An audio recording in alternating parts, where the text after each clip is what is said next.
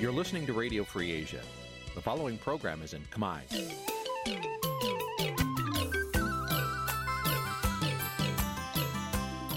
Nǐ ជាកម្មវិធីផ្សាយ Vuthu Azizi Serai នេះជាកម្មវិធីផ្សាយរបស់ Vuthu Azizi Serai ជាភាសាខ្មែរ Vuthu Azizi Serai សូមស្វាគមន៍លោកអ្នកនាងទាំងអស់ពីរដ្ឋធានី Washington នៃសហរដ្ឋអាមេរិក។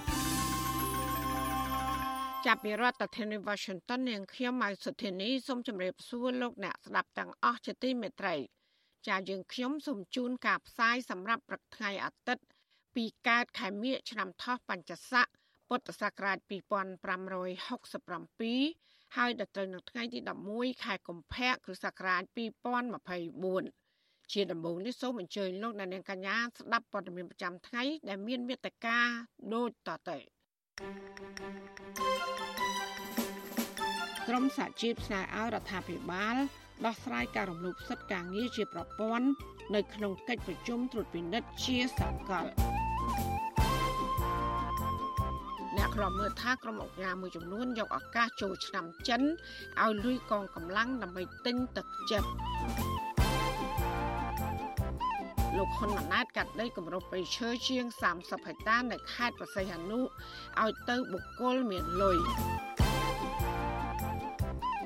កុមារអាយុ9ឆ្នាំម្នាក់ស្លាប់ដោយសារជំងឺគ្រុនប្រសាយបាសី H5N1 នៅខេត្តក្រចេះរួមនឹងព័ត៌មាន សំខាន់សំខាន់មួយចំនួនទៀតចាត់ជាបន្តទៅទៀតនេះនាងខ្ញុំម៉ៃសុធានីសូមជូនព័ត៌មានទាំងនោះពឺស្ដាប់ ចាលោកនាយកជាទីមេត្រីក្រមសហជីពស្នើឲ្យរដ្ឋាភិបាល ដោះស្រាយការរំលោភសិទ្ធិការងារជាប្រព័ន្ធនៅក្នុងកិច្ចប្រជុំត្រួតពិនិត្យជាសកលតាមកាលកំណត់ហៅថា UPR នៅទីក្រុង Chennai ប្រទេសស្វីមន្ត្រីសង្គមស៊ីវិលលើកឡើងថារយៈពេល5ឆ្នាំចុងក្រោយនេះរដ្ឋាភិបាលមិនបានលើកកម្ពស់សិទ្ធិការងារនោះឡើយខណៈដែលសហជីពឯករាជ្យដែលការពារសិទ្ធិកម្មករនោះ នៅតែបន្តរងការរើសអើងនិងការគំរាមកំហែងពីប្រព័ន្ធតុលាការជាពីរដ្ឋធានី Washington លោកសេកបណ្ឌិតរាយការណ៍ព័ត៌មាននេះរបាយការណ៍សង្ខេបអំពីស្ថានភាពសិទ្ធិការងារនៅកម្ពុជាកម្រាស់10ទំព័រដែលក្រមសហជីពនិងអង្គការសង្គមស៊ីវិលគ្រោកដាក់ឲ្យក្រមប្រឹក្សាសិទ្ធិមនុស្សត្រួតពិនិត្យតាមកាលកំណត់ជាសកល ដំណាក់កាលទី4បង្ហាញថាទោះបីជារដ្ឋាភិបាល បានទទួលយកអនុសាសន៍យ៉ាងតិច24តាក់ទងនឹងសិទ្ធិការងារនិងសិទ្ធិសហជីពការវិតម្លៃស្ថានភាពសិទ្ធិមនុស្សជុំទី3និងកែសម្រួលនីតិវិធីចុះបញ្ជីសហជីពការវិតម្លៃស្ថានភាពសិទ្ធិមនុស្សជុំទី2ក្តីតែការរំលោភសិទ្ធិការងារនៅកម្ពុជា នៅតែមានស្ថានភាពធ្ងន់ធ្ងរយ៉ាងហោចណាស់មានក្រុមសហជីពចំនួន20ស្ថាប័នរួមមានសហព័ន្ធសហជីពកម្ពុជាហៅកាត់ថាកាទូ សម្ព័ន្ធសហជីពប្រជាធិបតេយ្យកម្មករកាត់ដេរកម្ពុជាហៅកាត់ថាស៊ីខាឌូនិងសហព័ន្ធសហជីពសេរីកម្មករនៃព្រះរាជាណាចក្រកម្ពុជាជាដើមបានរកឃើញបញ្ហាប្រឈមចំនួន8ដែលធ្វើឲ្យសិទ្ធិកម្មករនៅតែរងការរំលោភបំពានបញ្ហាទាំងនោះរួមមានដូចជាភាពស្មុគស្មាញក្នុងការចុះបញ្ជីសហជីពការដោះស្រាយវិវាទការងារមិនបានត្រឹមត្រូវតាមច្បាប់ដោយសារការប្រើប្រាស់ក្រមប្រឹក្សាអាជ្ញាកណ្ដាលជំនួសប្រព័ន្ធតុលាការ និងការប្រើប្រាស់កិច្ចសន្យាការងាររយៈពេលខ្លីដើម្បីរារាំងការបង្កើតសហជីពនិងកិច្ចវេះពីការផ្ដល់អត្ថប្រយោជន៍ផ្សេងៗដល់កម្មករព្រមទាំងការដាក់បំរាមមិនឲ្យក្រុមកម្មករជួបជុំតវ៉ានិងបញ្ហាតរយៈភាពក្នុងក្រមប្រឹក្សាជាតិប្រាក់ឈ្នួលអបបរមា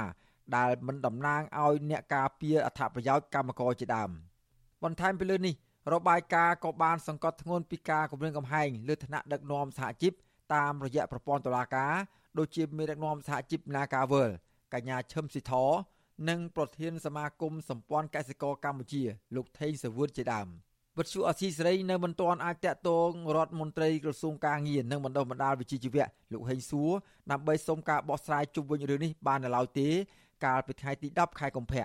រៀងរាល់ជាង4ឆ្នាំម្ដងក្រមរក្សាសិទ្ធិមនុស្សនៃអង្គការសហប្រជាជាតិ នឹងពិនិត្យឡើងវិញលើកំណត់ត្រាសិទ្ធិមនុស្សនៃប្រទេសជាសមាជិកគណៈកម្ពុជានឹងឈានដល់ជុំទី4នៃការពិនិត្យឡើងវិញជាសកលតាមកាលកំណត់ហៅកាត់ថា UPR នៅខែកុម្ភៈឆ្នាំ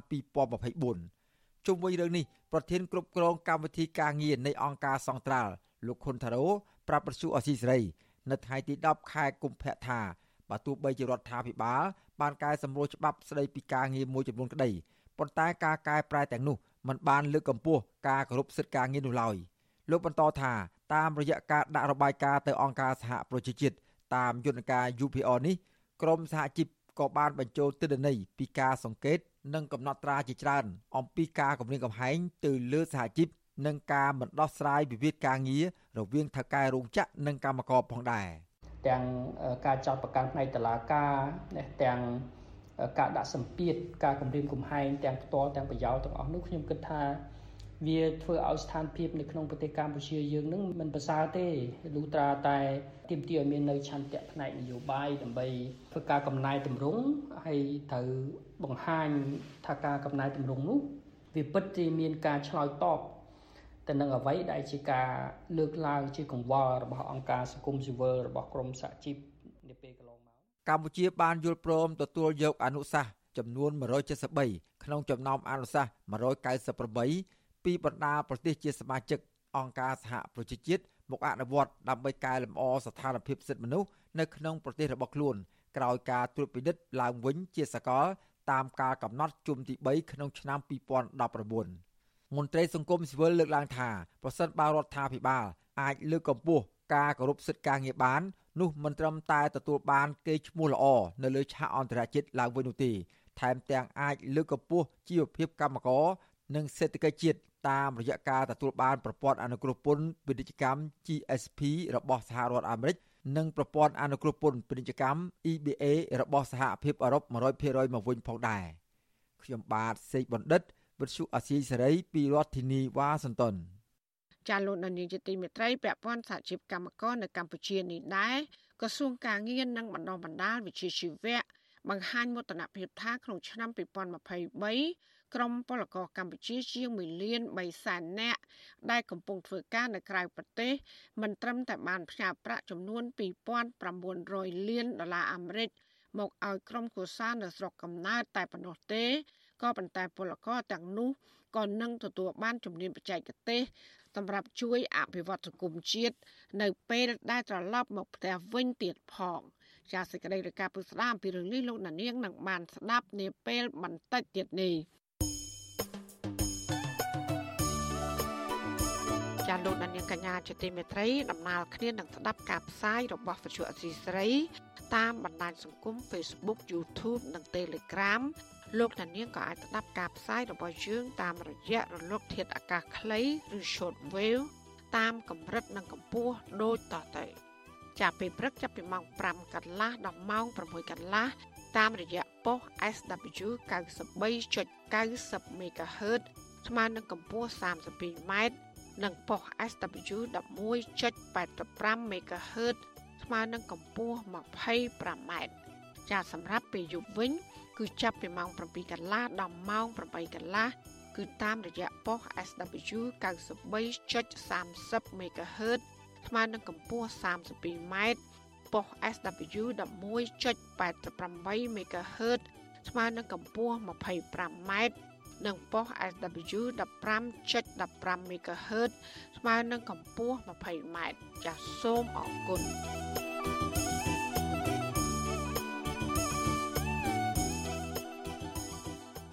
ចាលោកនានីជាទីមេត្រីដែលឡាយតាក់ទងនឹងបណ្ដឹងលើមន្ត្រីសិទ្ធិមនុស្សវិញក្រុមអង្គការសង្គមស៊ីវិលនិងសមាគមជិត10ស្ថាប័នបានចេញសេចក្តីថ្លែងការណ៍រួមគ្នាស្នើឲ្យគណៈបកប្រជាជនកម្ពុជាដកពាក្យបណ្ដឹងពីមន្ត្រីអង្គការសិទ្ធិមនុស្សអាត់ហុកលោកសឹងសានករណាពួកគាត់ទទូចឲ្យគណៈបកកណ្ដាលអំណាចពិចារណាឡើងវិញលើករណីនេះដើម្បីធានាថាសេរីភាពខាងបញ្ចេញមតិដោយដែលមានចែងក្នុងរដ្ឋធម្មនុញ្ញ ចាលោកយ៉ងច័ន្ទតារារាយការណ៍ព័ត៌មាននេះក្រុមអង្គការសមាគមនិងសង្គមស៊ីវិលចំនួន8ស្ថាប័នរួមមានសមាគមសម្ព័ន្ធនិស្សិតបញ្ញវន្តខ្មែរសមាគមប្រជាធិបតេយ្យឯករាជ្យនៃសេដ្ឋកិច្ចក្រៅប្រព័ន្ធនិងអង្គការសម្ព័ន្ធភាពការពារសិទ្ធិមនុស្សកម្ពុជាជាដើមបានចេញសេចក្តីថ្លែងការណ៍រួមគ្នាមួយកាលពីថ្ងៃទី9ខែកុម្ភៈទទូចដល់គណៈបកប្រជាជនកម្ពុជាឲ្យពិនិត្យមើលឡើងវិញនិងដកពាក្យបណ្ដឹងពីមន្ត្រីការពារសិទ្ធិមនុស្សលោកសឹងសានករណា ក្រោយពីសារព័ត៌មាន The Cambodia Daily កាលពីថ្ងៃទី7ខែមករាបានកែសម្រួលសម្រងសម្ដីរបស់លោកសឹងសានករណានៅក្នុងការផ្សាយរបស់ខ្លួនដោយមិនបញ្ជាក់ឈ្មោះគណៈបកប្រជាជនកម្ពុជាទៀតនោះទេសេចក្តីថ្លែងការណ៍នេះលើកឡើងថាបទសម្ភាសរបស់លោកសឹងសែនករណាជាមួយនឹងសារព័ត៌មាននោះពុំមានចេតនាទុច្ចរិតណាមួយដើម្បីបង្កាច់បង្ខូចកេរ្តិ៍ឈ្មោះរបស់គណៈបកប្រជាជនកម្ពុជាឡើយជាមួយគ្នានេះលោកសឹងសែនករណា ក៏ធ្លាប់បានបដិសេធរាល់ការបន្ថែមបន្ថយទៅលើសម្រងសម្ដីដើមរបស់លោកដែលអាចធ្វើឲ្យប៉ះពាល់ដល់គណៈបកណាមួយគឺមិនមែនជាចេតនារបស់លោកឡើយឆ្លើយតបទៅនឹងរឿងនេះអ្នកនាំពាក្យគណៈបកប្រជាជនកម្ពុជាលោកសុកអេសាន លើកឡើងថាបើទោះបីជាសារព័ត៌មាន The Cambodia Daily បានកែសម្រួលសម្រងសម្ដីនិងលុបឈ្មោះគណៈបកប្រជាជនកម្ពុជាក្តីក៏ពាក្យបណ្ដឹងដែលគណៈបកប្រជាជនកម្ពុជាបានដាក់គឺអាស្រ័យទៅលើខ្លឹមសារដើម ដែលកាសែតក្រៅស្រុកមួយនេះបានចុះផ្សាយ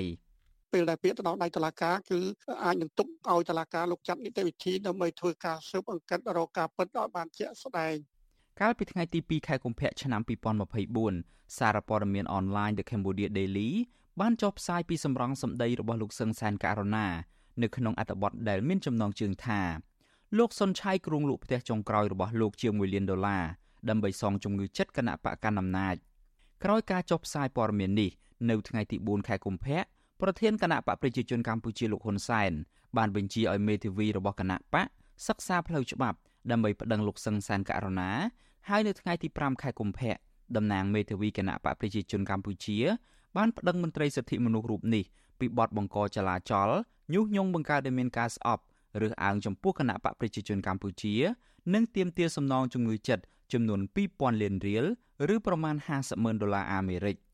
តកតងទៅនឹងរឿងនេះប្រធានសមាគមសម្ព័ន្ធនិស្សិតបញ្ញវន្តខ្មែរលោកកើតសរាយលើកឡើងថាប្រធានគណៈបកប្រជាជនកម្ពុជាលោកហ៊ុនសែនគួរតែពិនិត្យមើលហើយនឹងដកពាក្យបណ្ដឹងពីលោកសឹងសានករណាវិញដោយយោងទៅតាមការកែសម្រួលខ្លឹមសារសម្រងសម្ដីនៅក្នុងសារព័ត៌មានអនឡាញ The Cambodia Daily ដែលអាចបញ្ជាក់បានថាលោកសឹងសានករណា ពុំបាននិយាយប៉ះពាល់ទៅលើគណៈបកប្រជាជនកម្ពុជានោះឡើយទោះយ៉ាងណាក៏ដោយយើងនៅតែសង្ឃឹមនឹងជឿជាក់ថាក្រោយពីមានការកែសម្រងសម្ដីតាមរយៈសារព័ត៌មាននៃ Cambodia ហើយក៏ដូចជាការប្រកាសចំហរបស់លោកសឹងសានកាណានោះវាជាវិជាសនកម្មមួយជាលក្ខច្បាស់លាស់ដែលអាចធ្វើឲ្យគណៈបព្វជិជនកម្ពុជានឹងសម្រេចចិត្តដើម្បីដកពាក្យបណ្ដឹងចេញហើយក៏ជាការបង្ហាញឆន្ទៈមួយក្នុងនាមជាគណៈបកកណ្ដាលអំណាចក្នុងការចូលរួមលើកកម្ពស់សេរីភាពនៃការបញ្ចេញមតិបាទ ការប្រើប្រាស់តុលាការមកគម្រាមកំហែងនិងធ្វើទុកបុកម្នេញទៅលើអ្នកនយោបាយសកម្មជន និងអង្គការសង្គមស៊ីវិលនេះហាក់បានក្លាយជាទម្លាប់របស់គណៈបកប្រជាជនកម្ពុជា ដឹកនាំដោយលោកហ៊ុនសែនទៅហើយដោយវិធីផ្លូវកាត់មួយនេះអាចធ្វើឲ្យគណៈបកប្រជាជនកម្ពុជាយកឈ្នះដៃគូប្រកួតប្រជែងនិងសម្លេងប្រឆាំងប្រកបដោយប្រសិទ្ធភាពជាក់ស្ដែងអតីតមន្ត្រីគណៈបកភ្លើងទៀនពីររូបគឺអតីតអនុប្រធានគណៈបកភ្លើងទៀន ដែលបច្ចុប្បន្នជាអនុប្រធានគណៈបកឆន្ទៈខ្មែរលោកសុនឆៃត្រូវបានគណៈបកប្រជាជនកម្ពុជាថ្នាក់កណ្ដាលប្តឹងទាមទារសំណងជំងឺចិត្ត1លានដុល្លារនៅក្នុងរឿងបរិហាកេតាក់ទងទៅនឹងលទ្ធផលបោះឆ្នោតឆ្នាំ2022ចំណែកអតីតឧត្តមទីប្រឹក្សារបស់គណៈបកភ្លើងទៀនគឺលោកគង់គំត្រូវបានគណៈកម្មាធិការគណៈបកប្រជាជនកម្ពុជាខេត្តត្បូងឃ្មុំប្តឹងទៅតុលាការកាលពីខែមករាឆ្នាំ2023ក្រោមបទចោទបរិហាកេ និងទាមទារសំណងជំងឺចិត្តចន្លោះពីកន្លះលានដុល្លារធ្ងន់ធ្ងរជាងនេះលោកគង់គំត្រូវរដ្ឋាភិបាលរឹបអូសដីនឹងផ្ទះដែលមានតម្លៃមិនតិចជាង10លានដុល្លារនោះទេក្រុមអង្គការសង្គមស៊ីវិលលើកឡើងថាមន្ត្រីនាំពាក្យសមាគមការពារសិទ្ធិមនុស្សអាត6លោកសឹងសែនករណាបានចូលរួមចំណែកយ៉ាងច្រើននៅក្នុងការលើកកម្ពស់សិទ្ធិមនុស្សយុត្តិធម៌សង្គមផ្ដល់ទស្សនៈទៅកាន់អ្នកសារព័ត៌មាននិងប្រព័ន្ធផ្សព្វផ្សាយនានាប្រកបដោយអព្យាក្រឹតភាព និងវិជ្ជាជីវៈ ដូច្នេះពួកគេស្នើឲ្យគណៈបកប្រជាជនកម្ពុជាដកពាក្យបណ្ដឹងពីលោកសឹងសែនករណាវិញដើម្បីលើកកម្ពស់សេរីភាពនៃការបញ្ចេញមតិនៅក្នុងសង្គមប្រជាធិបតេយ្យខ្ញុំយ៉ងច័ន្ទដារាវិទ្យុអាស៊ីសេរី Washington ចាលោកនាងជាទីមេត្រីសកម្មជន សង្គមនៅបរិស្ថានសោកស្ដាយដែលលោកនាយករដ្ឋមន្ត្រីហ៊ុនម៉ាណែត នៅតែបន្តកាត់ដីគម្របព្រៃឈើប្រគល់ឲ្យបុគ្គលមានប្រាក់ឬក្រុមហ៊ុនឯកជនដូចជាចំនួនដឹកនាំរបស់ឪពុកលោកនោះដែរការលើកឡើងនេះក្រោយដែលលោកហ៊ុនម៉ាណែត បានកាត់ដីគម្របព្រៃឈើខេត្តបរសៃហនុទំហំជាង31ហិកតាប្រគល់ឲ្យឯកជនធ្វើជាកម្មសិទ្ធិចានេះគឺជាសកម្មភាពរបស់កញ្ញាខាន់លក្ខណាជំវិញព័ត៌មាននេះ ក្នុងអនុក្រឹត្យចុះថ្ងៃទី16ខែវិច្ឆិកាឆ្នាំ2023លោកនាយករដ្ឋមន្ត្រីហ៊ុនម៉ាណែត បានកាត់ដីដែនគម្របព្រៃឈើឆ្នាំ2002នៅខេត្តព្រះសីហនុទំហំជាង31ហិកតាស្ថិតនៅភូមិកគីឃុំបិតត្រាំងស្រុកព្រៃនប់ខេត្តព្រះសីហនុចេញពីដែនគម្របព្រៃឈើឆ្នាំ2002ធ្វើអនុប្រយោគជាដីឯកជន ក្នុងអនុក្រឹត្យដដែលថាដីទំហំជាង31ហិកតានេះ លោកហ៊ុនម៉ាណែតកាត់ប្រគល់ឲ្យឈ្មោះឡូសុគន្ធធ្វើជាកម្មសិទ្ធិប៉ុន្តែអនុក្រឹត្យមិនបានបញ្ជាក់ទេ ថាឈ្មោះឡូសុគន្ធជានរណានោះទើបទទួលបានដីគម្របព្រៃឈើពីរដ្ឋាភិបាលថ្មីវត្តជាអស៊ីសេរីមិនអាចសុំការអធិប្បាយបញ្ហានេះពីប្រធានអង្គភិបអ្នកណែនាំពាក្យរដ្ឋាភិបាលលោកប៉ែនបូណាបានទេ នៅថ្ងៃទី10កុម្ភៈដោយទូរស័ព្ទចូលគ្មានអ្នកទទួល ការចេញអនុក្រឹត្យកាត់ដីគម្របព្រៃឈើរបស់រដ្ឋ ឲ្យឯកជនឬអ្នកមានប្រាក់នៅពេលនេះបន្ទាប់ពីលោកហ៊ុនម៉ាណែតឡើងកាន់តំណែងនាយករដ្ឋមន្ត្រីជំនួសឪពុករបស់លោកគឺលោកហ៊ុនសែនបានប្រមាណ3ខែសកម្មជនសង្គមនិងបរិស្ថានលោកម៉ាចត្រាប្រាប់វិសុអាស៊ីសេរីនៅថ្ងៃទី10កុម្ភៈថា ដំបូងឡើយលោកមានក្តីសង្ឃឹមលើរដ្ឋាភិបាលថ្មីពុំឃើញមានការកាត់ដីព្រៃដោយរដ្ឋាភិបាលចាស់ប៉ុន្តែនៅពេលឃើញដូច្នេះលោកក៏បាត់ក្តីសង្ឃឹមទៅវិញ លោកថាគម្របព្រៃឈើបើការពារបាន ជាការល្អប្រសើរសម្រាប់ប្រយោជន៍សង្គមជារួមហើយបើកាលណាកាត់ដីព្រៃឲ្យអ្នកមានអំណាចឬអ្នកមានប្រាក់គួរស្វែងយល់មើលថាតើរវាងអ្នកដែលមានលុយនិងគ្មានប្រាក់វាយុត្តិធម៌ទេ នៅពេលទទួលបានដីគម្របព្រៃឈើជាកម្មសិទ្ធិនោះលោកម៉ែចត្រាថាកន្លងមករដ្ឋាភិបាលបានសន្យា ថារក្សាគម្របព្រៃឈើឲ្យបាន60%ប៉ុន្តែជាក់ស្ដែងតើការពារយ៉ាងម៉េចបើទៅបឡើងបាន3ខែ ហើយគាត់កាត់ដីគម្របព្រៃឈើបាត់ទៅហើយនោះថាតើគាត់មានលទ្ធភាពឯណាទៅរក្សាគម្របព្រៃឈើឲ្យបាន60%នោះលោកស្នើរដ្ឋាភិបាលថ្មីត្រូវបញ្ឈប់ការកាត់ដីគម្របព្រៃឈើបន្តទៀតខ្ញុំមិនយល់ថាប្រទេសយើងហេតុអីបានជា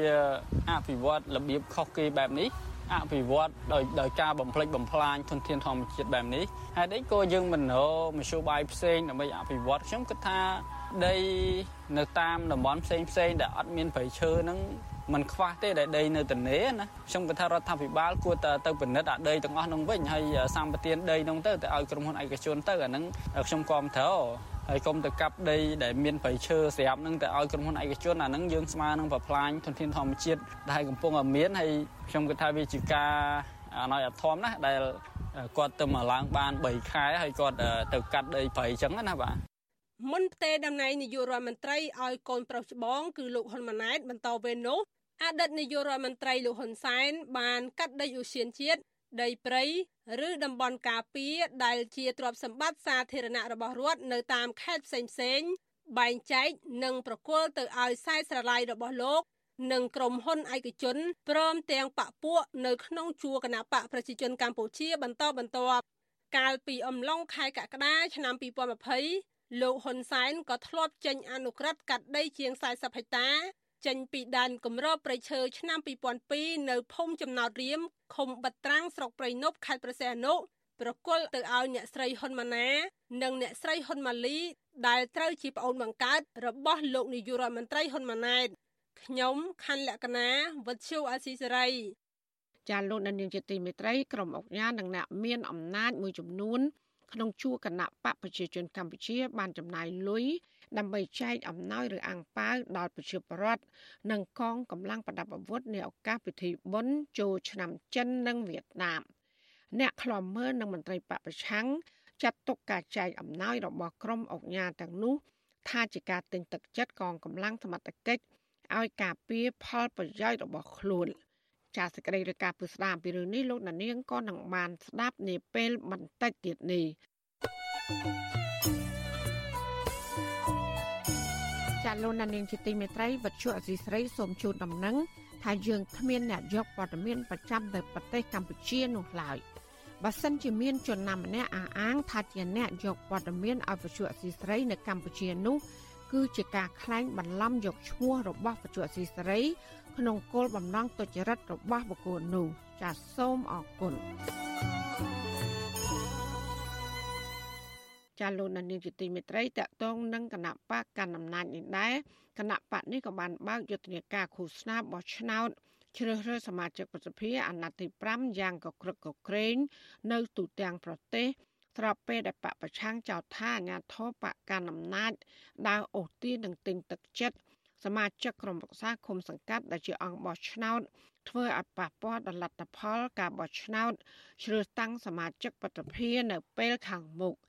ចាលោកច័ន្ទរោមានសេចក្តីរាយការណ៍ពុស្ដាជំវិញព័ត៌មាននេះដូចតទៅ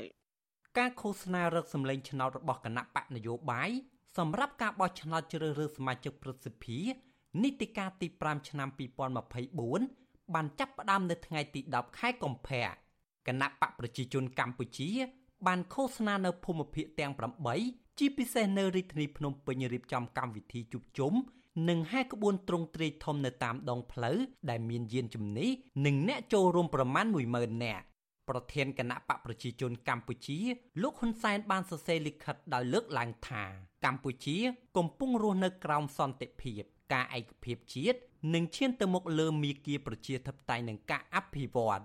លោកអះអាងថាការបោះឆ្នោតប្រសិទ្ធភាពនេះគឺស្របតាមឆន្ទៈនិងគោលបំណងរបស់ប្រជាពលរដ្ឋខ្មែរ ពីព្រោះអ្នកតំណាងរាស្ត្រនិងសមាជិកក្រុមប្រឹក្សាឃុំសង្កាត់ គឺជាអង្គបោះឆ្នោត ដែលកើតចេញពីឆន្ទៈរបស់ពលរដ្ឋកន្លងទៅលោកហ៊ុនសែនអំពាវនាវឲ្យអង្គបោះឆ្នោតទៅបោះឆ្នោតឲ្យគណៈបកប្រជាជនកម្ពុជា ដើម្បីធានាជោគវាសនាជាតិនិងប្រជាពលរដ្ឋខ្មែរទោះបីលោកហ៊ុនសែនអះអាងបែបនេះក្តី ប៉ុន្តែសហគមន៍ជាតិនិងអន្តរជាតិតែងតែរិះគន់ពីលទ្ធផលនៃការបោះឆ្នោតជាតិជាបន្តបន្ទាប់ថាប្រព្រឹត្តទៅមិនសេរីត្រឹមត្រូវនិងយុត្តិធម៌ដែលមិនឆ្លុះបញ្ចាំងអំពីឆន្ទៈពិតប្រាកដរបស់ប្រជាពលរដ្ឋខ្មែរពីព្រោះស្ថាប័នបោះឆ្នោតមិនឯករាជ្យហើយគណៈបកប្រឆាំងតែងរឹងការធ្វើទុកបុកម្នេញនឹងត្រូវបានលោកហ៊ុនសែនផាត់ចេញពីសាយវៀនប្រកួតប្រជែងតាំងពីឆ្នាំ2018មកយុទ្ធនាការរឹតសម្លេងឆ្នោត របស់គណៈបកនយោបាយនេះមានរយៈពេល14ថ្ងៃគឺចាប់ពីថ្ងៃទី10ដល់ថ្ងៃទី23ខែកុម្ភៈចំណែកការបោះឆ្នោតប្រសិទ្ធិអាណត្តិទី5នឹងប្រព្រឹត្តទៅនៅថ្ងៃទី25ខែកុម្ភៈដោយមានគណៈបក4ចូលរួមគឺគណៈបកប្រជាជនកម្ពុជាគណៈបកឆន្ទៈខ្មែរគណៈបកកម្លាំងជាតិនិងគណៈបកហ៊ុនស៊ីនប៉ាច់ច្បាប់ស្តីពីការបោះឆ្នោតជ្រើសរើសសមាជិកប្រសិទ្ធិមាត្រា10ចែងថាអ្នកបោះឆ្នោត និងអង្គបោះឆ្នោតគឺជាតំណាងរាស្ត្រក្នុងមុខតំណែង និងសមាជិកក្រុមប្រឹក្សាឃុំសង្កាត់ទាំងអស់ក្នុងមុខតំណែងគណៈបកនយោបាយដែលចូលរួមបោះឆ្នោតប្រសិទ្ធភាពចំនួន3មិនរៀបចំពិធីជួបជុំមហាជន និងហែក្បួនកកិតកក្រែងនៅតាមទីសាធារណៈនោះឡើយពីព្រោះពួកគេរៀបចំពិធីជួបជុំផ្សព្វផ្សាយពីគោលនយោបាយនិងពង្រឹងជំហររបស់អង្គបោះឆ្នោតនៅក្នុងមុខតំណែង គណៈបកកម្លាំងជាតិបានចេញលិខិតអំពាវនាវចំពោះអង្គបោះឆ្នោតឲ្យបោះឆ្នោតជូនគណៈបកកម្លាំងជាតិគឺជាការប្រើប្រាស់សិទ្ធិសេរីភាពស្របច្បាប់ជាសម្ងាត់ឈលលើឧត្តមគតិនិងមនសិការជាតិផ្ទាល់ខ្លួន ស្របតាមគោលបំណងប្រាថ្នារបស់ម្ចាស់ឆ្នោត ដើម្បីស្រោចស្រង់លទ្ធិប្រជាធិបតេយ្យឡើងវិញ រួមគ្នាការពារសេរីភាពយុត្តិធម៌សង្គមនិងបរណភាពទឹកដីកម្ពុជា ទីប្រឹក្សាគណៈបកកម្លាំងជាតិលោករងឈុនប្រាប់វិទ្យុអាស៊ីសេរីថា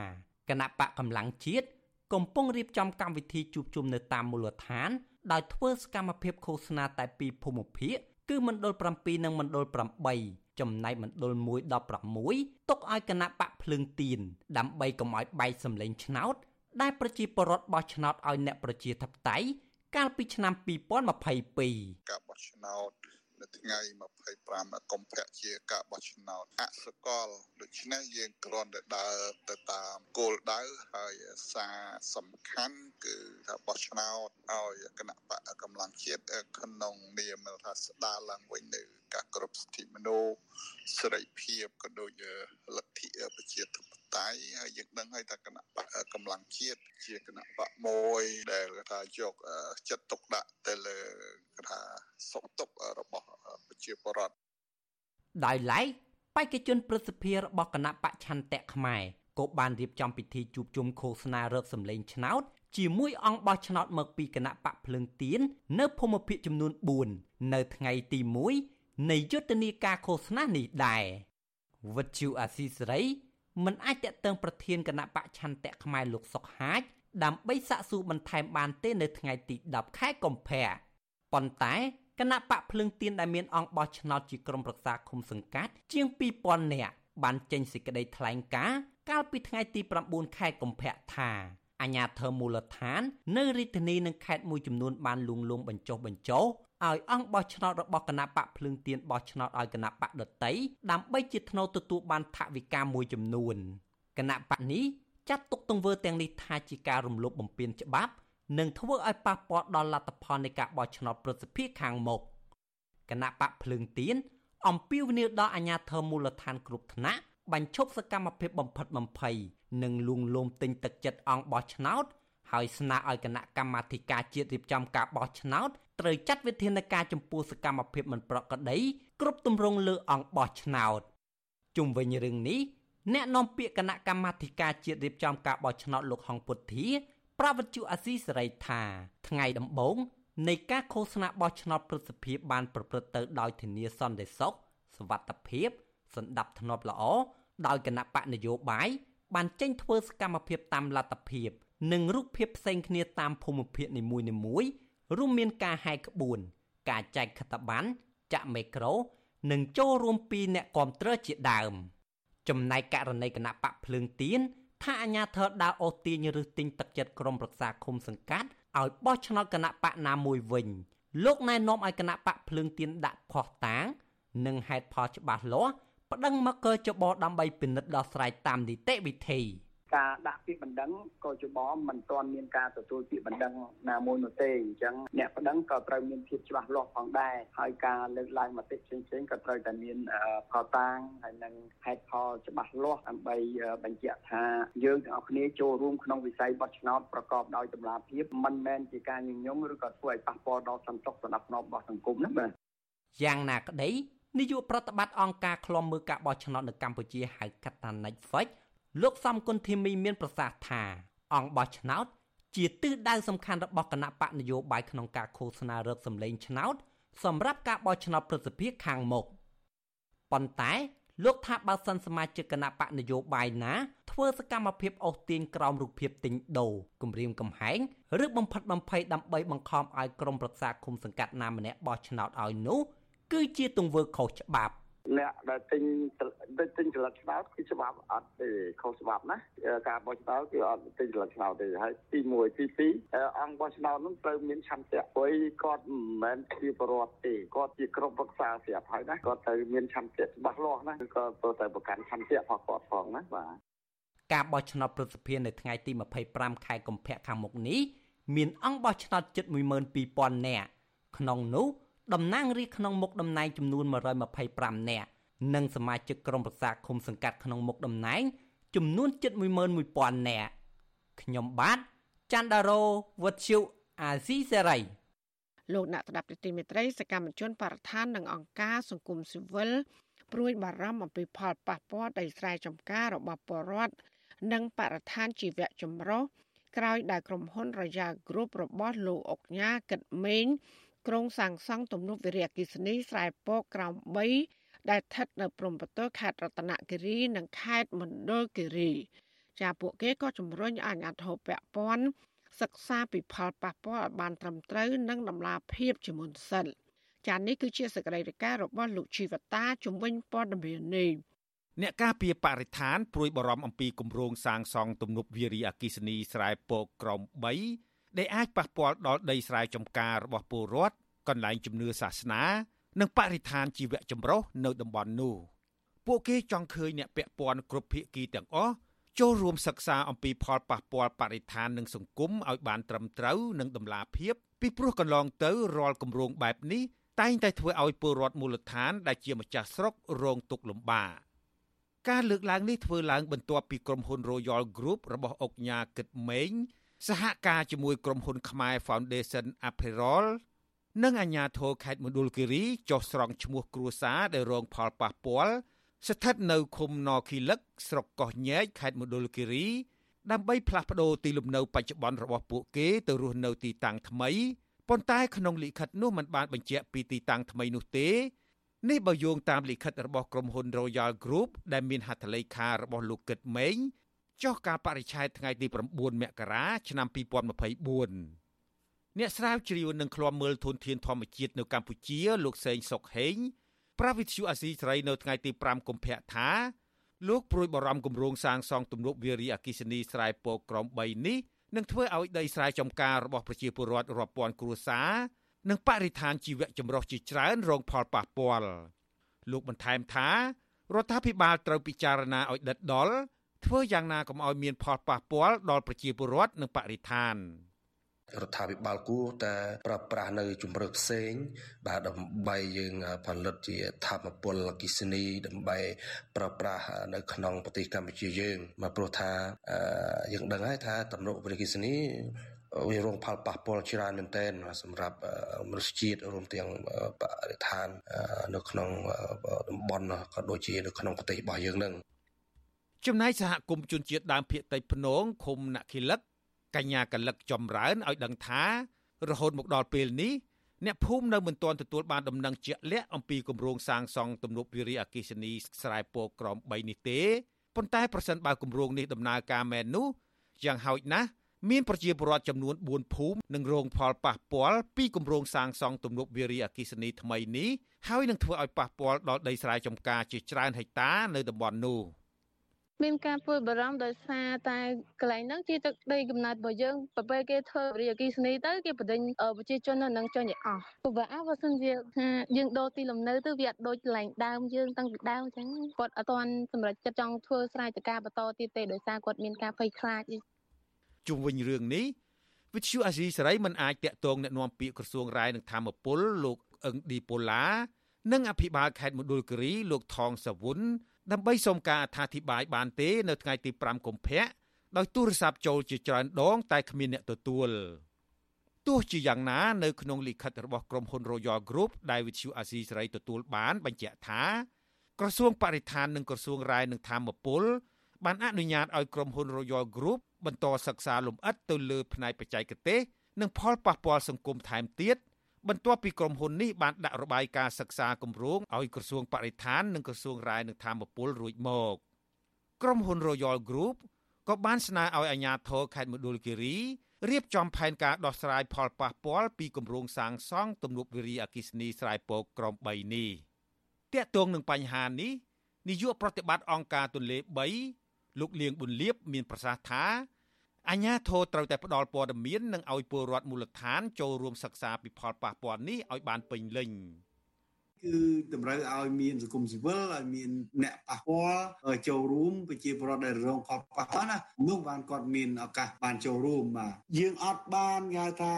ឲ្យសេរីភាពគាត់ពេញលេញគម្រោងរៀបចំធ្វើរៀបចំអីទៅសួរនាំគាត់ជាមុនវាអត់ពិចារយើងអនុម័តដល់ទៅក្រសួងរាយធម្មពលអីទាំងអស់អស់ឲ្យលេងហើយដល់ពេលត្រូវការឬទីលំនៅចេញប៉ះពាល់ប្រមាណគ្រួសារបានឲ្យគាត់ដឹងអាហ្នឹងវាជារឿងមួយដែលវាអត់ត្រឹមត្រូវបាទ សកម្មជនបរិស្ថាននិងសង្គមស៊ីវិលលើកឡើងថាគម្រោងសាងសង់ទំនប់វារីអគ្គិសនីស្រែពរក្រម3ដែលអាចផលិតធម្មពលជាង300មេហ្គាវ៉ាត់និងដែលមានទីតាំងស្ថិតនៅជាប់ព្រំប្រទល់ខេត្តចំនួន2នៅស្រុកលំផាត់ខេត្តរតនគិរី និងស្រុកកោះញែកខេត្តមណ្ឌលគិរីនឹងធ្វើឲ្យប៉ះពាល់ប្រជាពលរដ្ឋជិត3000គ្រួសារដែលគិតជាចំនួនមនុស្សមានជាង10000នាក់ និងដីស្រែចម្ការរបស់ប្រជាពលរដ្ឋរាប់ម៉ឺនហិកតានៅជុំវិញតំបន់នោះការសាងសង់ទំនប់វារីអគ្គិសនីក្នុងពេលកន្លងទៅ តែងធ្វើឲ្យប្រជាពលរដ្ឋរាប់ពាន់នាក់រងទុក្ខវេទនាជាក់ស្ដែង ទំនប់វារីអគ្គិសនីសេសានក្រម2ដែលជាគម្រោងខ្សែក្រវ៉ាត់និងផ្លូវ BRI របស់ចិននៅកម្ពុជា បានធ្វើឲ្យប្រជាពលរដ្ឋនៅឃុំក្បាលរមៀសនិងឃុំស្រែគោក្នុងស្រុកសេសានខេត្តស្ទឹងត្រែងជិត5000នាក់រងការប៉ះពាល់ពីទឹកលិចលំនៅឋាន ដីស្រែចម្ការនិងផលដំណាំ ដែលធ្វើឲ្យពលរដ្ឋទាំងនោះបង្ខំចិត្តផ្លាស់ប្ដូរទីលំនៅ ហើយទទួលយកសំណងមិនសមរម្យពីក្រុមហ៊ុនហើយទំនប់វារីអគិសនីសេសានក្រម2ដែលបានបង្កផលប៉ះពាល់ដល់បរិស្ថាននិងពលរដ្ឋខ្មែរនោះសាងសង់ដោយក្រុមហ៊ុន Royal Group របស់លោកកឹតមេងដដែល សហការគ្នាជាមួយក្រុមហ៊ុនចិន Hydro Lanchang International Energy និងក្រុមហ៊ុនវៀតណាមឈ្មោះ Vietnam Electricity ខ្ញុំជីវិតាអាស៊ីសេរីចាលោកដានៀងជាទីមេត្រីបដិជគុណសំកំសាទនិងសកម្មជន សង្គមលោកអុកពេជ្រសំណាង បាន បន្តដំណើរធម្មយាត្រាចេញពីខេត្តសៀមរាបឆ្ពោះទៅខេត្តបន្ទាយមានជ័យដើម្បីផ្សព្វផ្សាយអំពីធម៌មេត្តាចិត្ត ឲ្យអ្នកនយោបាយងាកមកផ្សះផ្សាជាតិនិងលើកកម្ពស់ការគោរពសិទ្ធិមនុស្សឡើងវិញព្រះអង្គមានតរតការថាបើទោះបីជាព្រះអង្គឈឺជើងនិងអស់កម្លាំងលហិតលហៃយ៉ាងណាក៏ដោយក៏ព្រះអង្គបដិញ្ញាមិនបោះបង់ដំណើរធម្មយាត្រានេះឡើយ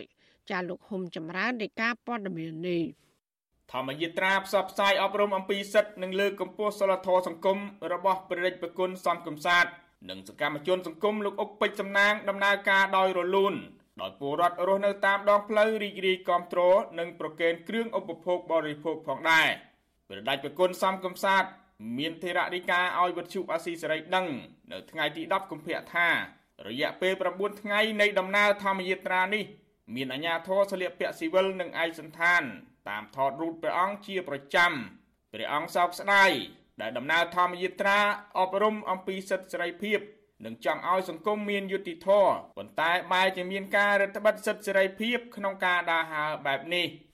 ជីវិតនៅតាមផ្លូវដែលធ្វើធម្មយាត្រាដីរាប់រយគីឡូនេះទុកដល់ជីវិតក៏នៅតែស្មោះត្រង់នៅតែល្អនឹងក្រាបថ្វាយបង្គំព្រះសម្មាសម្ពុទ្ធហើយមួយយ៉ាងទៀតទទូចឲ្យអ្នកនយោបាយទាំងអស់ចេះផ្សះផ្សាគ្នាចេះធ្វើសេចក្តីល្អនឹងគ្នាហូបលៀបពណ៌គ្នាទៅបច្ចុប្បន្ននេះមានសុខសន្តិភាពហើយមានពហុបកហើយបែរជាប្រជាពលរដ្ឋនៅក្នុងប្រទេសព្រាត់ប្រានិរាគ្រួសារទៅនៅបរប្រទេសគេគេចាប់ធ្វើបាបធ្វើទោសដាក់ពន្ធនាគារដំណើរធម្មយាត្រាផ្សព្វផ្សាយសិលធម៌សង្គម និងស្នើឲ្យរដ្ឋាភិបាលដោះលែងអ្នកទោសនយោបាយចម្ងាយជិត700គីឡូម៉ែត្រពេលនេះព្រះអង្គបាននិមន្តមកដល់ខេត្តបន្ទាយមានជ័យហើយដោយព្រះអង្គសង់នៅផ្ទះសំណាក់ក្នុងខេត្តនេះមួយយប់ហើយព្រឹកស្អែកនឹងបន្តដំណើរទៅខេត្តបាត់ដំបងព្រះអង្គថាមូលហេតុដែលព្រះអង្គមិនស្នាក់នៅក្នុងវត្តដោយសារកន្លងទៅ មានព្រះអនុគុណស្រុកព្រះចៅអធិការមិនពេញចិត្តហើយមានធេរដីកាបង្កឲ្យមានការរើសអើងព្រះសង្ឃ ដោយឡែកសកម្មជនសង្គមលោកអុកពេជ្រសំណាង ដែលបានចូលរួមធ្វើធម្មយាត្រា ជាមួយព្រះអង្គសង្ឃកំសាទថ្លែងថា លោកឈឺចាប់នៅពេលឃើញពលរដ្ឋទន់ខ្សោយរងការរំលោភសិទ្ធិដោយអយុត្តិធម៌លោកចង់ឃើញអ្នកនយោបាយចេះផ្សះផ្សាបង្រួបបង្រួមគ្នា ប្រកបដោយមេត្តាធម៌និងមានការគោរពលទ្ធិប្រជាធិបតេយ្យពិតប្រាកដឈានទៅរក គោលការណ៍លទ្ធិប្រជាធិបតេយ្យឲ្យច្បាស់លាស់ហើយជួយពង្រឹងអំណាចឲ្យសិលធម៌សង្គមនិងអធិពលសង្គមคล้ายទៅជាមនុស្សមានក្របខ័ណ្ឌនិងផ្លូវច្បាប់ជាតិនិងអន្តរជាតិទៅមានសេចក្តីសម្រេចទៅការទំនាក់ទំនងរបៀបជួយប្រទេសជាតិខ្លួនឯងនិងជួយពិភពលោកដោយសារតែអ្នកកាន់អំណាចអញ្ចឹងខ្ញុំបាទសូមទទូចអង្វរហើយនឹងសូមឲ្យបងប្អូនធានាក្នុងការទៀមទាអ្វីដែលកំពុងតែមានបញ្ហាចូលរួមធានាបញ្ហាគ្រប់បែបយ៉ាង វិទ្យុអាស៊ីសេរីមិនអាចតាក់ទងអភិបាលខេត្តបន្ទាយមានជ័យលោកអ៊ុំរាត្រីដើម្បីសុំការបកស្រាយជុំវិញបញ្ហានេះបានទេនៅថ្ងៃទី10កុម្ភៈជុំវិញបញ្ហានេះប្រធានអង្គការសម្ព័ន្ធភាពការពារសិទ្ធិមនុស្សកម្ពុជាហៅថាច្រាក់លោករស់សថាមានប្រសាសន៍ថាធម្មយាត្រាដែលមានអាជ្ញាធរតាមថតរូបនេះគឺជាការរឹតបន្តឹងសិទ្ធិសេរីភាពលោកសង្កេតឃើញថាស្ថានភាពសេរីភាពនៅកម្ពុជាបច្ចុប្បន្នកំពុងប្រឈមនឹងការរឹតបន្តឹង ដែលធ្វើឲ្យពលរដ្ឋមានការភ័យខ្លាចក្នុងការបញ្ចេញមតិរបស់ខ្លួនសង្គមខ្មែរមួយដែលចង់ឲ្យខ្មែរយើងបានសុខសប្បាយហើយរដ្ឋាភិបាលមិនសូវឈឺក្បាលមានតែឲ្យប្រជាពលរដ្ឋយើងនឹងគឺមានសិទ្ធិបញ្ចេញមតិសិទ្ធិចូលរួមក្នុងការអភិវឌ្ឍនឹងឲ្យបានផលផុសទៅហើយកាលណាគាត់បានចេញមតិមតិផលផុសហើយយើងធ្វើតាមការចង់បានរបស់គាត់អាហ្នឹងវាអស់បញ្ហាហើយនេះមិនមែនជាលើកទី1ទេដែលព្រះដេចប្រគុណសំកំសាទនិមន្តធ្វើធម្មយាត្រា ដើម្បីអប់រំអំពីសិលធម៌សង្គមនិងការលើកកម្ពស់ការគោរពសិទ្ធិមនុស្សជាក់ស្ដែងកាលពីឆ្នាំ2023កន្លងទៅព្រះដេចប្រគុណសំកំសាទធ្លាប់ធ្វើធម្មយាត្រាទៅខេត្តពោធិ៍សាត់និងទៅព្រំដែនថៃ ដែលកាលនោះព្រះអង្គរងការធ្វើទុកបុកម្នេញគ្រប់រូបភាពការរារាំងការគំរាមចាប់ផ្សឹកពីសំណាក់អាជ្ញាធរនិងការបណ្តេញចេញពីវត្តជាដើម ដំណើរធម្មយាត្រានេះនឹងបញ្ចប់នៅភ្នំអត្តរឹស ក្នុងស្រុកឧដុង្គខេត្តកំពង់ស្ពឺ ដែលមានចម្ងាយផ្លូវជិត700គីឡូម៉ែត្រដោយឆ្លងកាត់ខេត្តចំនួន8ព្រះអង្គសំគំសាទនិងមន្ត្រីអង្គការសង្គមស៊ីវិល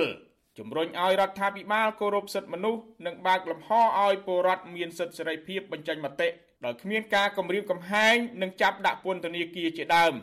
ខ្ញុំបាទហុំចម្រើនវិទ្យុអាស៊ីសេរីពីរដ្ឋធានី Washington ចាលោកនានីជាទីមេត្រីក្មេងប្រុសអាយុ9ឆ្នាំម្នាក់បានស្លាប់ដោយសារជំងឺគ្រុនប្រសាយបាក់សី H5N1 ដែលជាករណីដំបូងនៅឆ្នាំ2024នេះក្រសួងសុខាភិបាលឲ្យដឹងក្នុងសេចក្តីប្រកាសព័ត៌មានកាលពីថ្ងៃទី9ខែកុម្ភៈថាក្មេងប្រុសរូបនេះមានស្ថានភាពសុខភាពធ្ងន់ធ្ងររួមមានគ្រុនក្តៅពិបាកដកដង្ហើមហត់ក្អកនិងសន្លប់ ហើយបានស្លាប់កាលពីថ្ងៃទី8ខែកុម្ភៈបើទោះបីជាមានការជួយសង្គ្រោះពីក្រុមគ្រូពេទ្យក៏ដោយអ្នកជំងឺមានទីលំនៅនៅក្នុងភូមិកាពោ1ឃុំអូរុស័យក្រុងក្រចេះខេត្តក្រចេះក្រសួងសុខាភិបាលបញ្ជាក់ថាគ្រួសាររបស់អ្នកជំងឺ បានយកមន្ទាដែលងាប់យកទៅធ្វើជាម្ហូបអាហារបរិភោគចាប់តាំងពីឆ្នាំ2005រហូតមកដល់ពេលនេះ កម្ពុជាបានរកឃើញករណីជំងឺផ្ដាសាយបាក់សី H5N1 ឆ្លងលើមនុស្សចំនួន59នាក់ហើយក្នុងនោះអ្នកស្លាប់មានចំនួន40នាក់ក្រសួងសុខាភិបាលក្រានរំលឹកដល់ប្រជាពលរដ្ឋឲ្យប្រុងប្រយ័ត្នជានិច្ចចំពោះជំងឺផ្ដាសាយបាក់សីពីព្រោះថាជំងឺនេះនៅតែបន្តគំរាមកំហែងដល់សុខភាពប្រជាពលរដ្ឋដើម្បីបង្ការជំងឺនេះក្រសួងក៏បានណែនាំឲ្យប្រជាពលរដ្ឋលាងដៃជាមួយសាប៊ូ មុនពេលបរិភោគនិងក្រោយពីបានប៉ះពាល់បាក់សី ដាក់កុមារនៅឆ្ងាយពីសត្វបាក់សី និងដាក់សត្វបាក់សីនៅឆ្ងាយពីកន្លែងរស់នៅកុំបរិភោគសត្វបាក់សីដែលឈឺឬងាប់ហើយរាល់បាក់សីដែលធ្វើសម្រាប់បរិភោគត្រូវចម្អិនឲ្យបានឆ្អិនល្អ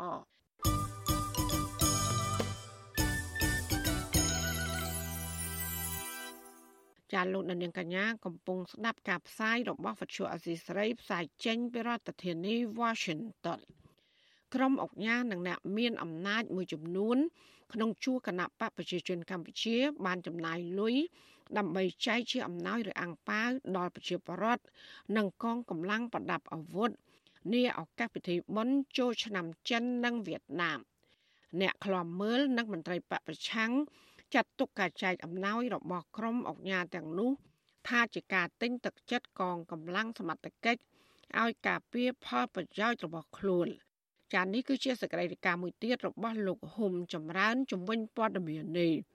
ក្រុមអង្គការនិងអ្នកជំនួញដែលមានទំនាក់ទំនងជិតស្និទ្ធជាមួយគ្រួសារលោកហ៊ុនសែនតែងយកឱកាសពិធីបុណ្យចូលឆ្នាំចិនវៀតណាម បង្ហាញដាក់ទៀនអំពើសប្បុរសធម៌របស់ពួកគេតាមរយៈចែកលុយនិងចែកអាំងប៉ាវដល់ពលរដ្ឋក្រីក្រ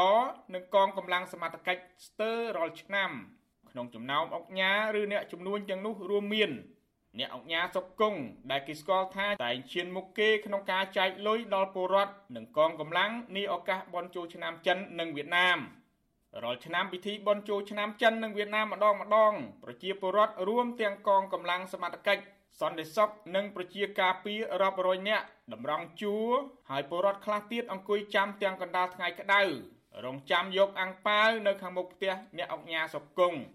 នាពិធីបុណ្យចូលឆ្នាំចិននិងវៀតណាមនៅឆ្នាំនេះអ្នកអង្គញាសុកគង់ចែកអាំងប៉ាវដល់ពលរដ្ឋជនពិការកុមារកងកម្លាំងនិងសន្តិសុខប្រមាណ5000នាក់កាលពីថ្ងៃទី3ខែកុម្ភៈនៅភូមិគ្រឹះអ្នកអង្គញាសុកគង់ស្ថិតនៅលើវិថីនរោត្តមក្នុងរាជធានីភ្នំពេញ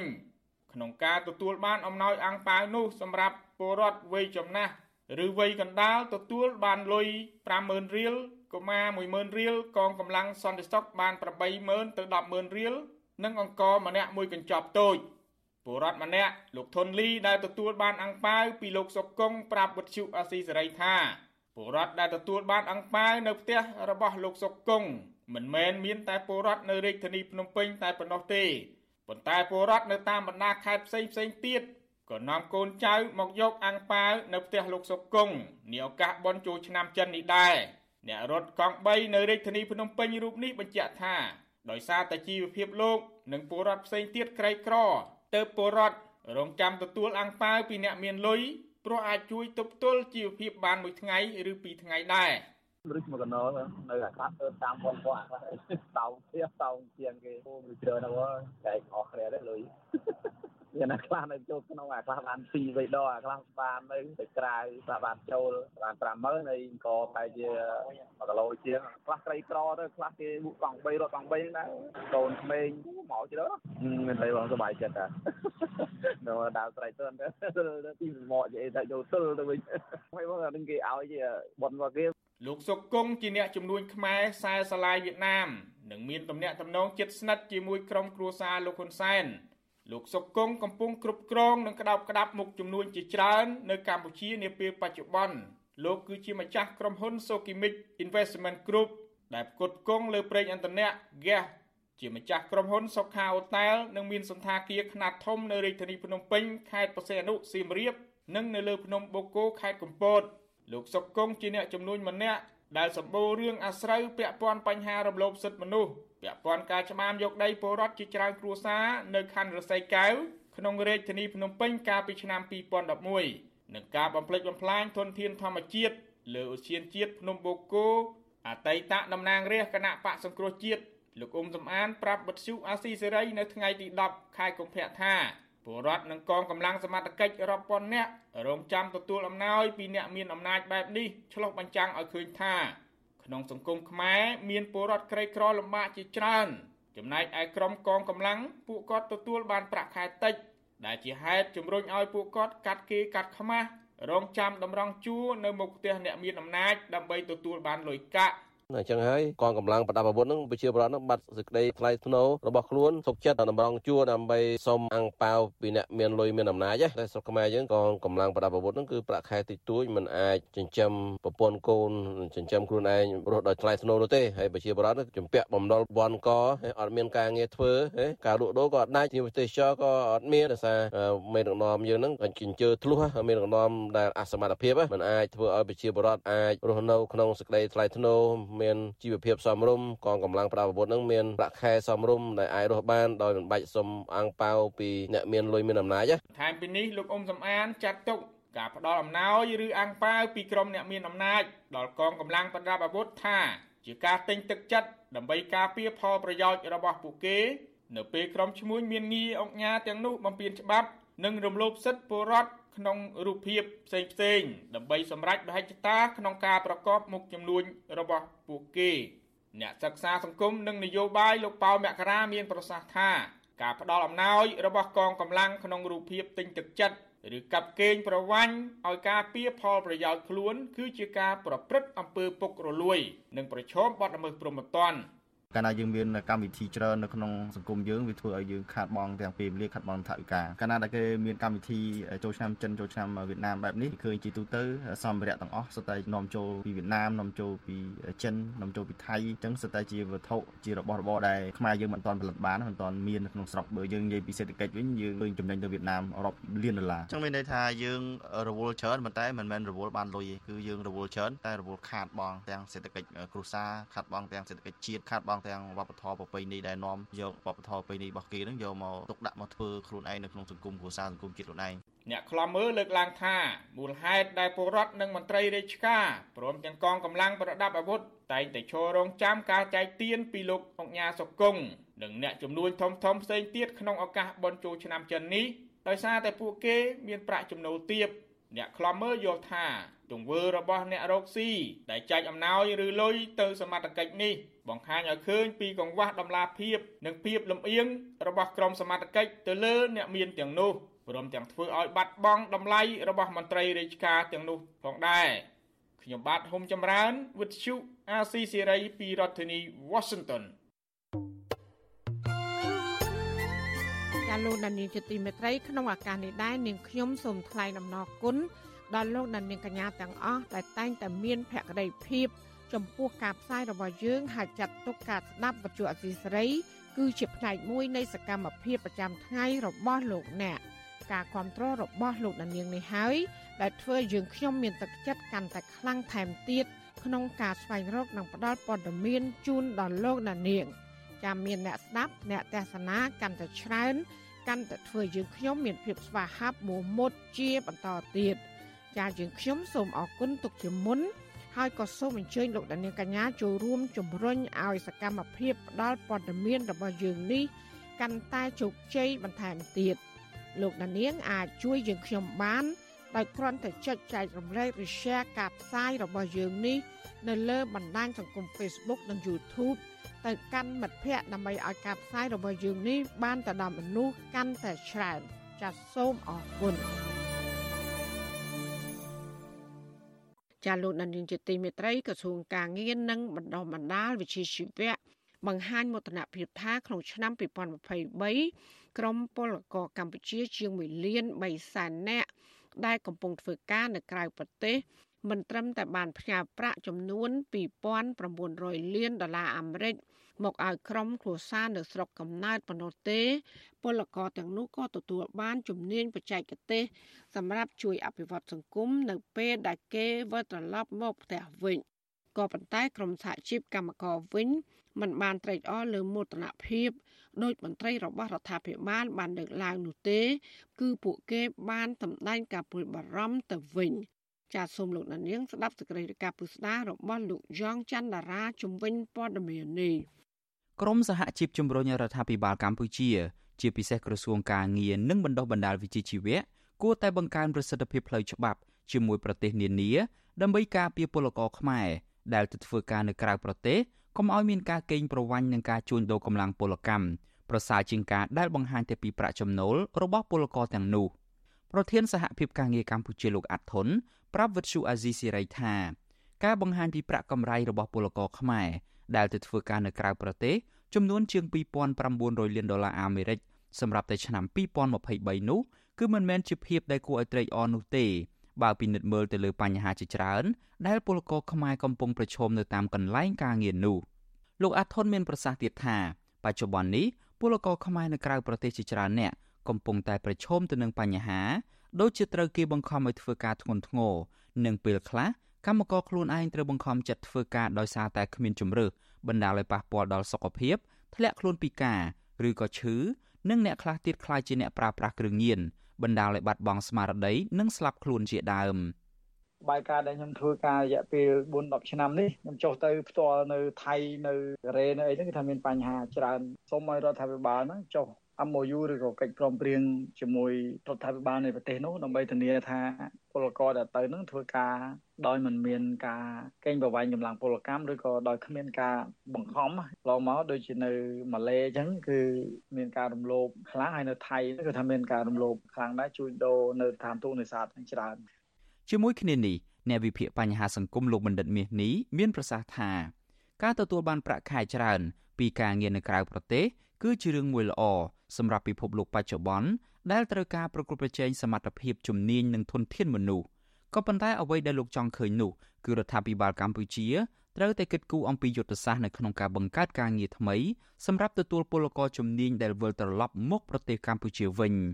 ក្នុងលក្ខខណ្ឌមួយទៀតរដ្ឋាភិបាលកម្ពុជាពិសេសក្រសួងការងារក៏ត្រូវតែត្រៀមលក្ខណៈនៅជាយុទ្ធសាស្ត្រ ដើម្បីទទួលនៅពលករដែលគាត់នឹងវិលត្រឡប់មកប្រទេសវិញថាតើពួកគាត់នឹងត្រូវយកជំនាញនឹងយកមកប្រើប្រាស់យ៉ាងម៉េចនៅក្នុងស្រុកដើម្បីបម្រើផលប្រយោជន៍នៃការអភិវឌ្ឍក្នុងស្រុកណាឲ្យមានប្រសិទ្ធភាពក្នុងការជួយចិញ្ចឹមជីវិតរបស់គាត់បន្តទៀតបាទមិនឲ្យគេទៅហើយដល់មកវិញយើងប្រឡែងចោលណារស់កើតមិនក៏រស់ទៅមកដល់វិញលុយក៏អស់ដែរហើយក៏អត់មានបានរកអីហើយរស់នៅពិបាកវេទនាអានឹងក៏គឺមិនល្អដែរសម្រាប់ការអភិវឌ្ឍស្រុកទេសទាំងនោះណា ការលើកឡើងរបស់សហជីពកម្មករនិងអ្នកវិភាគបញ្ហាសង្គមនេះគឺក្រោយពីក្រសួងការងារនិងបណ្ដុះបណ្ដាលវិជ្ជាជីវៈបានបង្ហាញរបាយការណ៍មួយជាមួយនឹងមោទនភាពថាកាលពីឆ្នាំ2023កន្លងទៅពលករខ្មែរដែលទៅធ្វើការនៅក្រៅប្រទេសចំនួនជាង1លាន3សែននាក់បានផ្ញើប្រាក់ចំនួន2900លានដុល្លារអាមេរិកមកឲ្យក្រុមគ្រួសារនៅក្នុងប្រទេសកម្ពុជាវិទ្យុអាស៊ីសេរីមិនអាចតាក់ទងแนะនាំពាក្យក្រសួងការងារនិងបណ្ដុះបណ្ដាលវិជ្ជាជីវៈ លោកកតាអូនដើម្បីសុំការអធិប្បាយបន្ថែមជុំវិញរបាយការណ៍នេះបាននៅឡើយទេ នៅថ្ងៃទី10ខែកុម្ភៈដោយសារតែទូរស័ព្ទចូលតែពុំមានអ្នកទទួលក៏ប៉ុន្តែទីភ្នាក់ងារសារព័ត៌មានចិនស៊ីនហួរបានដកស្រង់សម្ដីរដ្ឋមន្ត្រីក្រសួងការងារនិងបណ្ដុះបណ្ដាលវិជ្ជាជីវៈលោកហេងសួរយកមកចុះផ្សាយកាលពីថ្ងៃទី8ខែកុម្ភៈថាពលករខ្មែរដែលកំពុងធ្វើការនៅក្រៅប្រទេសទទួលបានប្រាក់កម្រៃប្រសើរដូចជានៅប្រទេសថៃនិងម៉ាឡេស៊ី ទទួលបានក្នុងកម្រិតអបបរមាចន្លោះពី300ទៅ400ដុល្លារអាមេរិកចំណែកអ្នកធ្វើការនៅប្រទេសកូរ៉េខាងត្បូងនិងជប៉ុនវិញពពួកគេអាចទទួលបានប្រាក់ឈ្នួលចន្លោះពី1400ទៅ1500ដុល្លារអាមេរិកក្នុងមួយខែមួយខែទោះជាយ៉ាងនេះក្តីសហជីពការពារសិទ្ធិនិងផលប្រយោជន៍របស់កម្មករនៅមិនទាន់ចាត់ទុកថាកម្រិតប្រាក់ឈ្នួលនេះគឺជាមោទនភាពដែលគួរឲ្យត្រេកអរឡើយបើសម្លឹងមើលទៅលើបញ្ហាជាច្រើន ដែលប្រទេសកម្ពុជា និងពលករកំពុងតែប្រឈមមុខនោះអនុប្រធានសហជីពសេរីកម្មករនៃព្រះរាជាណាចក្រកម្ពុជា អ្នកស្រីសាយសុកនីបានកត់សម្គាល់ថានៅក្នុងរយៈពេល5ទៅ6ឆ្នាំចុងក្រោយនេះអត្រានៃការផ្ទេរប្រាក់ពីបរទេសចូលមកកម្ពុជា មានចំនួនច្រើន ដែលមានន័យថាបច្ចុប្បន្នមានពលរដ្ឋកម្ពុជាកាន់តែច្រើនឡើងច្រើនឡើងកំពុងធ្វើចំណាក់ស្រុកចោលគ្រួសារនិងកូនកូនដើម្បីស្វែងរកកម្រៃមុខចិញ្ចឹមក្រពះនិងដោះបំណុល អ្នកស្រីសាយសុកនីមិនបានបង្ហាញមោទនភាពចំពោះទឹកប្រាក់ដែលពលករខ្មែររកបាននៅក្រៅប្រទេសនេះទេក៏ប៉ុន្តែអ្នកស្រីសម្ដែងក្តីព្រួយបារម្ភទៅលើបញ្ហាជាច្រើនទៅវិញ។ ចំពោះសហជីពមានការព្រួយបារម្ភមិនត្រេកអរទេ ចំណុចត្រេកអរមានតែមួយទេគឺពេលដែលគាត់កំពុងធ្លាក់នៅក្នុងជ្រោះអត់ឃ្លាននឹងបំណុលគឺគាត់មានលុយផ្ញើមកពុកម្ដាយសងបំណុលគេហើយឱកាសមួយទៀតគឺគាត់បានពង្រីកចំណេះដឹងតែចំពោះយើងគឺអវិជ្ជមានច្រើនជាងវិជ្ជមានអវិជ្ជមានគឺថាកម្លាំងពលកម្មរបស់ជាតិមិនមែនបំរើកម្លាំងសេដ្ឋកិច្ចរបស់ប្រទេសផ្សេងទេគឺយើងខាត់បងធំធេងណាស់ប្រសិនបើយើងគិតអំពីកម្លាំងពលកម្មការចិញ្ចឹមនៃសេដ្ឋកិច្ចជាតិ តកតងទៅនឹងរឿងនេះដែរនាយកប្រតិបត្តិអង្គការសង្ត្រាល់លោកមឿនដុល្លារក៏ធ្លាប់បង្ហាញការព្រួយបារម្ភទៅលើការកេងប្រវ័ញ្ចនិងការជួញដូរកម្លាំងពលកម្មរបស់ពលករខ្មែរដែលចេញទៅធ្វើការនៅក្រៅប្រទេសដែរលោកមឿនដុល្លារមានប្រសាសន៍ថាមានពលករខ្មែរខ្លះដែលក្រុមហ៊ុនឯកជននាំទៅធ្វើការនៅប្រទេសនានានៅតំបន់អារ៉ាប់និងចិនជាដើមនោះត្រូវបានគេជួញដូរ រដ្ឋមានគោលនយោបាយឲ្យមានការជ្រើសរើសនិងបញ្ជូនពលករទៅក្រៅប្រទេសហើយដោយសារតែគោលនយោបាយនេះឬមួយក៏ការអនុវត្តច្បាប់នៅទុនខ្សោយវាធ្វើឲ្យក្រុមហ៊ុនឯកជនដែលមានឱកាសជ្រើសរើសនិងបញ្ជូនពលករហ្នឹងដាក់ពលករឲ្យស្ថិតនៅក្នុងស្ថានភាពមួយជាទេសកលសម័យថ្មីធ្វើការដោយសងបំណុលគេធ្វើការដោយអត់បានប្រាក់ខែគ្រប់គ្រាន់ឬក៏អត់បានប្រាក់ខែទាំងស្រុងឬក៏ធ្វើការនៅក្នុងសម្ពាធមួយមិនអាចធ្វើដំណើរទៅណាបានដោយសារគេដក passport ក៏អីហ្នឹងណាអាហ្នឹងក៏គេចាត់ទុកថាជាការជួញដូរហើយរបាយការណ៍របស់ក្រសួងការងារនិងបណ្ដុះបណ្ដាលវិជ្ជាជីវៈដែលបានបង្ហាញនៅក្នុងពេលបិទកិច្ចប្រជុំប្រចាំឆ្នាំនោះឲ្យដឹងថាបច្ចុប្បន្ននេះមានពលករខ្មែរចំនួនជាង1លាន3សែននាក់កំពុងធ្វើការនៅក្រៅប្រទេសពលករទាំងនោះកំពុងធ្វើការងារនៅប្រទេសថៃកូរ៉េខាងត្បូងម៉ាឡេស៊ីប្រទេសជប៉ុន សិង្ហបុរី ប្រទេសចិន និងអារ៉ាប៊ីសាអូឌីតជាដើមខ្ញុំយ៉ងច័ន្ទដារាវិទ្យុអាស៊ីសេរី Washington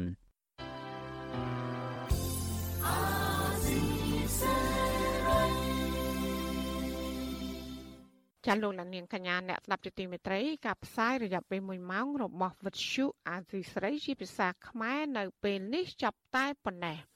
ចាយើងខ្ញុំទាំងអស់គ្នាសូមជូនពរលោកនាងនិងក្រុមគ្រួសារទាំងអស់សូមជួបប្រកបតែនឹងសេចក្តីសុខសេចក្តីចម្រើនជានិរន្តរ៍ ចានាងខ្ញុំម៉ៅសុធានីព្រមទាំងក្រុមការងារទាំងអស់របស់អសីស្រីសូមអរគុណនិងសូមជម្រាបលា